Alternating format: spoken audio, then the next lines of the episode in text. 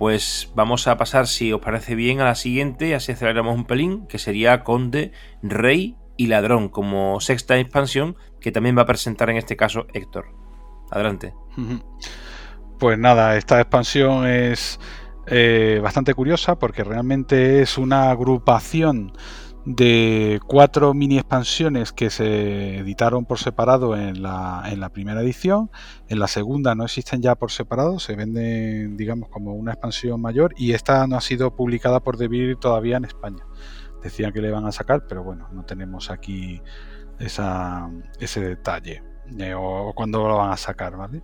En principio, eh, los cuatro elementos que tiene la, eh, esta expansión, por un lado tiene la ciudad de Carcassonne, que es como que en la edición del C2 viene como un son 12 losetas, pero realmente vienen como dos tableros de 2x3 para montarlos rápidamente, ¿vale? Luego tiene eh, una figura del conde que se va a colocar dentro de la ciudad.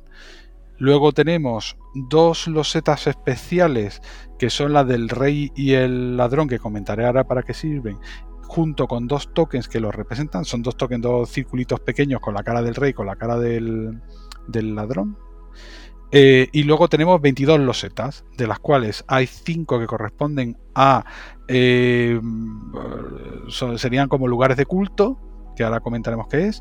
Otros 5 que son losetas variadas de, terreno, pues que, que, digamos que añaden pues, nuevas configuraciones. Y de hecho, estas cinco losetas de terreno junto con la expansión 2, con la del comerciante, el, comerciante, constructor y comerciantes, ya tendrías cubierto todos los huecos del tablero, ¿vale? Y luego tenemos otras 12 losetas más que son el río 2, ¿vale? Entonces, pues empezamos, si queréis, por, por orden, pues con la, con la parte primera, con la ciudad de Carcassonne, pues básicamente es esta eh, es una matriz de 3x4 losetas que se coloca como alternativa a la loseta de arranque, ¿vale? Y en el borde pues tienes eh, campos, tienes, dos, tienes tres caminos, tienes dos trozos de ciudad y tal, y de ahí puedes desarrollar el resto del juego. Y, en, dentro de, lo que sería eh, la ciudad de Carcassonne hay cuatro distritos. Está la catedral, está el castillo, está la parte de, mm, decir, de la herrería y la parte del mercado. Entonces, en principio, tú arrancarías con el, con el conde dentro de la ciudad de Carcassonne colocado en eh, uno de estos distritos, en el del castillo, ¿vale? Y básicamente lo que te permite este, esta ciudad de Carcassonne, que está dentro del tablero, pero no es una zona normal de, juego, es que cuando tú estás eh, eh, puntuando eh, alguna estructura que has completado, si no te llevas puntos, puedes mandar un MIPEL a lo que sería alguno de los distritos de, la ciudad. ¿Para qué? Pues en turnos posteriores, cuando se cierre, por ejemplo, una ciudad, un monasterio o lo que sea, tú puedes llevarte MIPELs que hayas dejado en la ciudad en el distrito correspondiente a esa, esa estructura antes de que se termine la puntuación. Por ejemplo, eh, imaginaos, acaba de cerrarse un monasterio. No tiene incluso MIPELs. Eh, yo tenía un MIPEL en la catedral dentro de Carcassonne. Pues puedo decidir mandar uno de, esos, uno de mis MIPELs que está en la catedral a ese monasterio recién cerrado sin nadie y me lo llevo yo. O incluso podrías hacerlo con otro MIPEL. Por ejemplo, Samuel tiene un MIPEL. Llego yo y tengo eh, dos meeples en, la, catedral. Me puedo llevar los dos meeples y yo, que es la primera vez que ocurre dentro del mundo de las expansiones, podría tener dos meeples en un monasterio versus otro de, Samuel. Me llevaría yo los puntos del monasterio. Entonces, esta expansión es sobre todo para, digamos, pensar, tiene una jugada que no es inmediata, es un poco a medio plazo, en lo cual tienes que decidir qué meeples te quieres llevar a la, a la ciudad de Carcassonne ¿eh? y luego cuando los, vuelves a desplegar. Durante el juego tú puedes desplegar eh, meeples o puedes llevarte meeples a cualquiera de las cuatro zonas. Eh, pues por dejarlo un poco más claro, en la, en la catedral te los llevarías a monasterios. si te los llevas a, al castillo, te los puedes llevar a ciudades. Si te lo llevas al mercado, eh, te los llevas a campos y si te lo llevas a la herrería te los llevarías a caminos, ¿vale? Entonces, esta básicamente es una expansión para llevarme meeples y desplegarlos cuando, cuando me interese para tomar el control o, compartir puntos durante la partida o al final del juego. Porque al final del juego lo que haría es desplegar eh, los que tenga dentro de los meeples que estén en el mercado, se van repartiendo por los campos y podrías llevarte alguna cosa extra donde no tenías incluso en un campo que no tuvieses presencia. Entonces, esta es la primera parte. Eh, el segundo módulo es el del rey y el ladrón. Básicamente lo que haces con el rey y el ladrón, con esos eh, los dos, la, loseta que representa al rey con la reina y el ladrón, es que conforme se van cerrando campos y se van cerrando eh, ciudades, el, digamos, el, jugador que se haya llevado o que haya completado la ciudad más grande eh, hasta ahora del juego, o una más grande que la anterior, se lleva la loseta del, rey. Y, el, y, si un jugador cierra un camino más largo que el último, se lleva el del ladrón. Y básicamente todo el juego consiste en ir cerrando eh, caminos y ciudades más grandes para ir quedándote con la loseta del rey o del ladrón. Y al final del juego, el que tenga el rey se llevará un punto por cada ciudad cerrada, incluida la de Carcassonne, la que hemos visto en el, arranque, y el ladrón se llevaría un punto por cada carretera cerrada eh, en todo el tablero. Entonces digamos que es una inversión a largo plazo. Compites por quedarte con, el, con la loseta que te da el, digamos, el triunfo o, que te hace merecedor de los puntos al final de la partida y luego pues obviamente te lleva esos puntos al final. Eh, los tokens redonditos que, acompañan a estas dos losetas son simplemente para dejar marcada cuál es la ciudad más grande. Tienes un token redondo chiquitín para el rey y otro para el ladrón. Aunque yo francamente, eh, aunque no sea la regla oficial, prefiero dejarlos en el marcador porque así en la loseta del 10, pues sabes que la loseta, eh, la ciudad más grande, por ejemplo, si tienes el token del rey, sabes que, la ciudad más larga es la, o más grande es la que era de 10 losetas. O sea, cuentas no puntos, sino número de losetas. ¿Vale? Y luego tenemos los, eh, los, lugares de culto, ¿vale? Los lugares de culto son cinco losetas que realmente representan como una especie de altar de un culto pagano que está compitiendo con, la iglesia.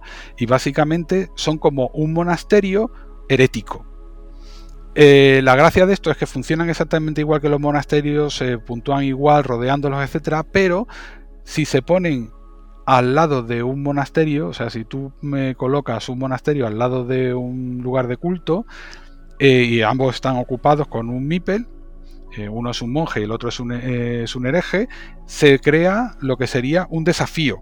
Entonces, básicamente, el primero de los dos que consiga completar el monasterio o lugar de culto, rodeándolo de los setas, se lleva los nueve puntos de turno y el otro se va a casa, se vuelve a la reserva con cero puntos. ¿Vale? Entonces, de, tal manera que creas esa competición, digamos, entre eh, estructuras, mm, digamos, similares a monasterios, para que, si eh, para que uno se acabe antes que el otro, se complete antes que otro y se lleve los puntos y el otro se lleva cero. ¿Vale? Entonces, eh, ah, bueno, y nos queda el Río 2. junto con el juego base se incluye el río como una alternativa a, lo que sería la loseta de arranque. En vez de poner la loseta de arranque, digamos, normal, que es una tapa con un camino que pasa de lado a lado, pues lo que puedes hacer es desplegar un río eh, antes de arrancar la partida, digamos, como per se. Entonces, básicamente tienes una, una loseta de manantial, bueno, se prepara todas las, las losetas, se baraja, se pone la loseta de manantial arriba, se pone lo que sería el, el lago del final del río abajo y se va pues poniendo todo el río, se va desplegando, empezando por el, por el nacimiento hasta que se coloca el, lo que sería el lago y a partir de ahí ya empieza el juego, ¿no? Entonces, en esta expansión se incluye una nueva versión del río que tiene un nacimiento, una bifurcación y terminan dos lagos, de tal manera que conforme se va desplegando, tú primero colocas siempre el nacimiento seguido de la, de la T y luego de la T de lo que sería la bifurcación y luego puedes ir poniendo los setas en cualquiera de los dos ramas del río hasta que, hasta que se colocan los lagos.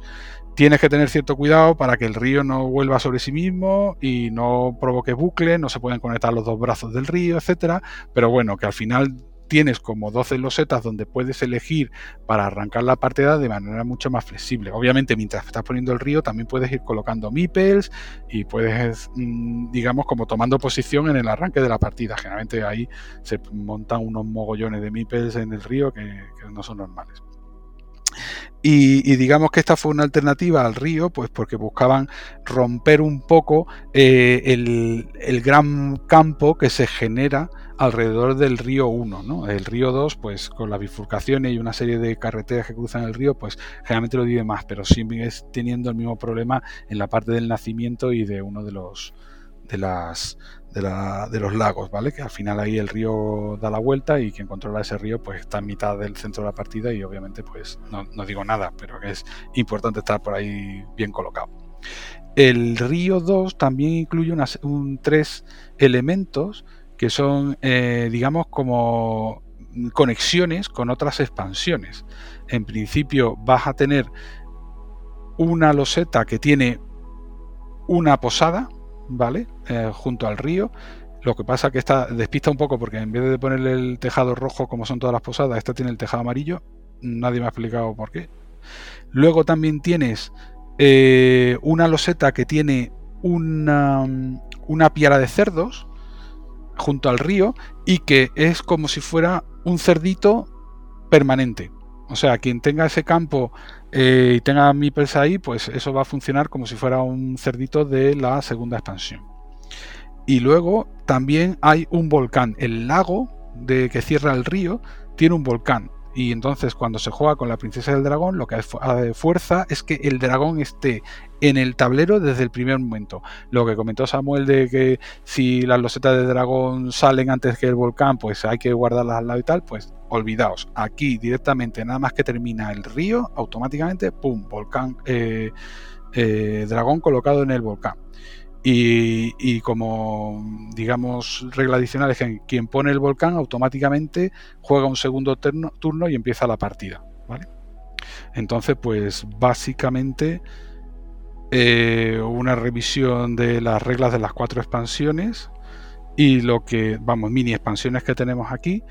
Y, nada, aquí tenemos pues los setitas interesantes, pues tenemos parecida a la de la expansión 5, pues tenemos ese tubo con dos tapas y dos tapas en los lados opuestos conectados por un, por un puente que pasa por encima del tubo y tenemos esa tapa con, con carreteras que sale hacia la izquierda que faltaba en la expansión 2 para cerrar todas las posibles colocaciones de digamos todos los agujeros del tablero. Pues nada, Joaquín, dale. Bien, bueno, vamos a dar paso a Samuel y después a Javi en este caso. Así que, Samuel, si quieres añadir algo a lo que ya ha dicho Héctor. Bueno, eh, yo simplemente comentar, como ya ha dicho Héctor, eh, esto más bien es como una compilación de, varias minis que se habían publicado antes y que Hamsing Club se decidió a, editarlas pues en un como una big expansión, pero en realidad no lo es, quiero decir. Entonces yo me acuerdo cuando salió eh, había, bueno, parte de la gente pues se llevó un poco un chasco y yo incluido porque decían, claro, ahora qué van a hacer, van a, reeditar minis que iban saliendo y, porque esperábamos que saliera una big expansion como tal y lo que fue fue, fue como un, bueno, lo que ya hemos publicado pues lo volvemos a publicar eh, en una big expansion. Entonces, claro, entonces ya decíamos, pues igual ya no sacan más, más Big Expansion, porque si ahora ya han sacado esto, pudiendo haber sacado una Big Expansion, pues fue un poco así, fue, fue un año un poco extraño. Pero sí que, porque además hacía poco que habían sacado el, el culto, había salido en, en, en la Spielbox, en una revista que la habían editado en, el, en la edición especial esta de Hamsing Group, eh, una edición aniversario. Y era como, pues si hace nada había salido la, la, mini de, del culto. Digo, que raro. Pero yo de estas me quedaría con, con la del conde porque es, es una mini mini expansión porque es solamente la ciudad de Carcassonne y, el conde. Pero esta expansión claramente es, es como comentaba con la princesa del dragón y la torre. Esta está claramente pensada también para que puedan jugar, eh, sacarle el máximo partido en más de cuatro jugadores, que tengas más opciones para puntuar, que a veces te pueden salir los setas que no, que no te interesan. Siempre me salen caminos, me salen rectas. Pues puedes hacer en ese turno, en lugar de de colocar tu Mipel, pues voy a cerrarle algo a alguien eh, que no le dé muchos puntos y me voy a meter en la ciudad para porque hay otra cosa en el tablero que se está generando que me interesa y no me puedo meter. Eh, tema para las granjas también puede ser muy útil a posteriori, porque a lo mejor cuando juegas muchos jugadores o cinco y tal, eh, no tienes tantos turnos como para poderte conectar, meterte a una ciudad. esta estrategia de a posteriori me conecto y no sé qué, cuando ya juegas tantos, mm, no, tienes tantas losetas. Hablo de, del básico y con una expansión o poco más. Ya no estoy hablando de Mega Carcassonne. Entonces, claro, con esta mini expansión, pues te permite eso, te permite eh, desde la ciudad de Carcassonne poder ir a sitios que, aunque eh, se hayan cerrado eh, con menos losetas, poder llevarte esos puntos o al menos compartirlos. Y me parece una, una de mis mini favoritas. El Conde de Carcassonne es de mis mini favoritas. Y luego, pues lo del el Rey y el Ladrón, por ejemplo, sí que es verdad que en la original no venía lo de los marcadores esto, y era un follón porque tenías los eh, la loseta del ladrón y del rey. Y claro, cuando eh, el camino más largo o, la ciudad con más losetas. Y claro, luego a lo mejor habían varias cosas y era un cacao. Entonces, con lo de los tokens sí que es una cosa que es, es graciosa. Y sí que es verdad que lo que ha dicho Héctor, que el hecho de utilizarlo en el marcador de puntos, pues es una cosa muy útil que yo la verdad no, no, no la había utilizado. O sea que eso tomo nota. Mm. Voy a dar paso a Javi, aunque me está pidiendo paso Héctor, pero debo dar paso a Javi que le tocaba en este caso ahora hablar. Sí, yo la verdad es que no tengo nada que añadir. Lo que han dicho sería un resumen de todo lo que han dicho tanto Samuel como Héctor. Eh, a mí también es una de, las minis que más me gustan, la del Conde. Y, pero más que nada por, por lo que añade de, de, las de las 12 rosetas eran, ¿no?